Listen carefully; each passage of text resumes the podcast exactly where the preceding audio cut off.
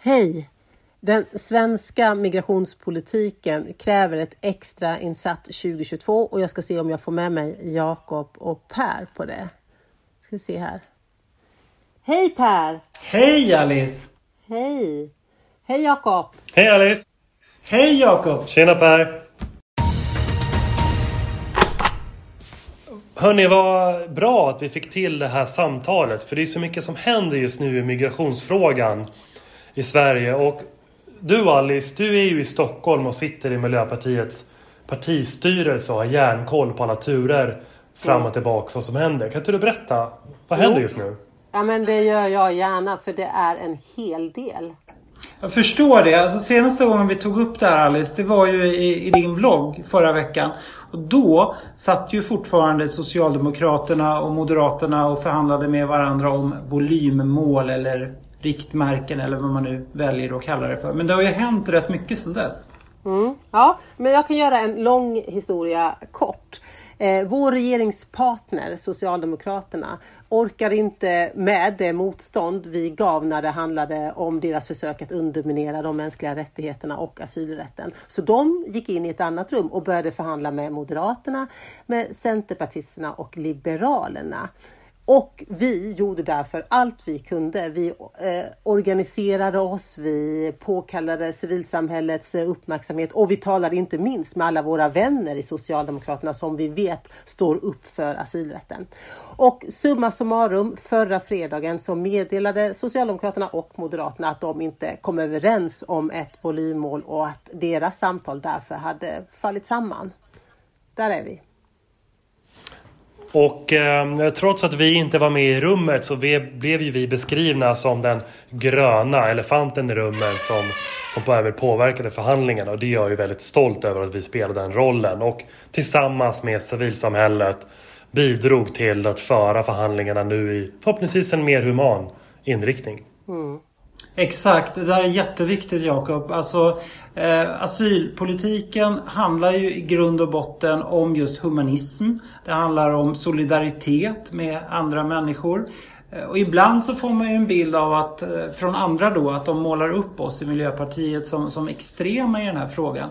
Men det är verkligen inget extremt eh, över att leva upp till de eh, eh Eh, det ansvar som vi har gentemot eh, FNs riktlinjer. Ja, nej men precis. Det är ju mer anmärkningsvärt tycker jag att, att vi eh, är de konstiga, de som försvarar internationell rätt. Som om eh, asylrätten är något som Miljöpartiet har hittat på. Mänskliga rättigheter, asylrätten är inget vi tar lättvindigt på utan vi kommer fortsätta stå fast vid att de ska hedras och de ska respekteras. Alla människor har rätt att söka skydd och alla människor har rätt att få sin sak individuellt prövad.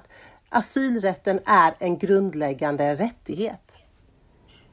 Ja, och det, och det är inte bara så att, att vi menar att det här är vår rättsliga skyldighet att leva upp till FNs konvention om mänskliga rättigheter och dessutom barnkonventionen vars artikel 10 säger att alla barn har rätt att återförenas med sina föräldrar så är det också så att det är våra djupast eh, hållna värderingar.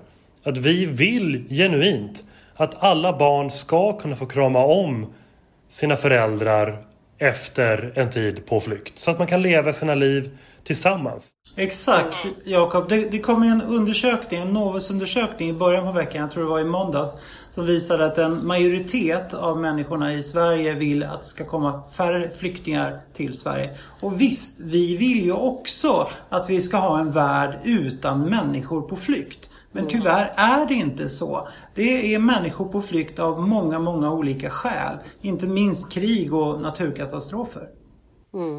Nej, och det är ju också precis just därför som en långsiktigt hållbar eh, migrationspolitik också måste vara en human migrationspolitik. Det hänger samman. Vi måste se till att vi respekterar mänskliga rättigheter, att vi respekterar asylrätten och bygger en politik på just de premisserna, inte på andra premisser som bygger på att vi skulle kunna avgöra eller bestämma hur många människor som kommer tvingas fly varje år. Det är ju en omöjlighet. Det är ju en kortsiktig och icke hållbar politik. Det förstår ju vem som helst om man tänker efter. vi har en, en hel del att göra, att försvara och eh, stå upp för. Och nu sitter vi ju runt förhandlingsbordet igen tillsammans med Socialdemokraterna, Centerpartiet och Liberalerna. Och målet för oss, för oss miljöpartister, det är en långsiktigt hållbar, human svensk migrationspolitik. Och det kommer vi kämpa för in i det sista.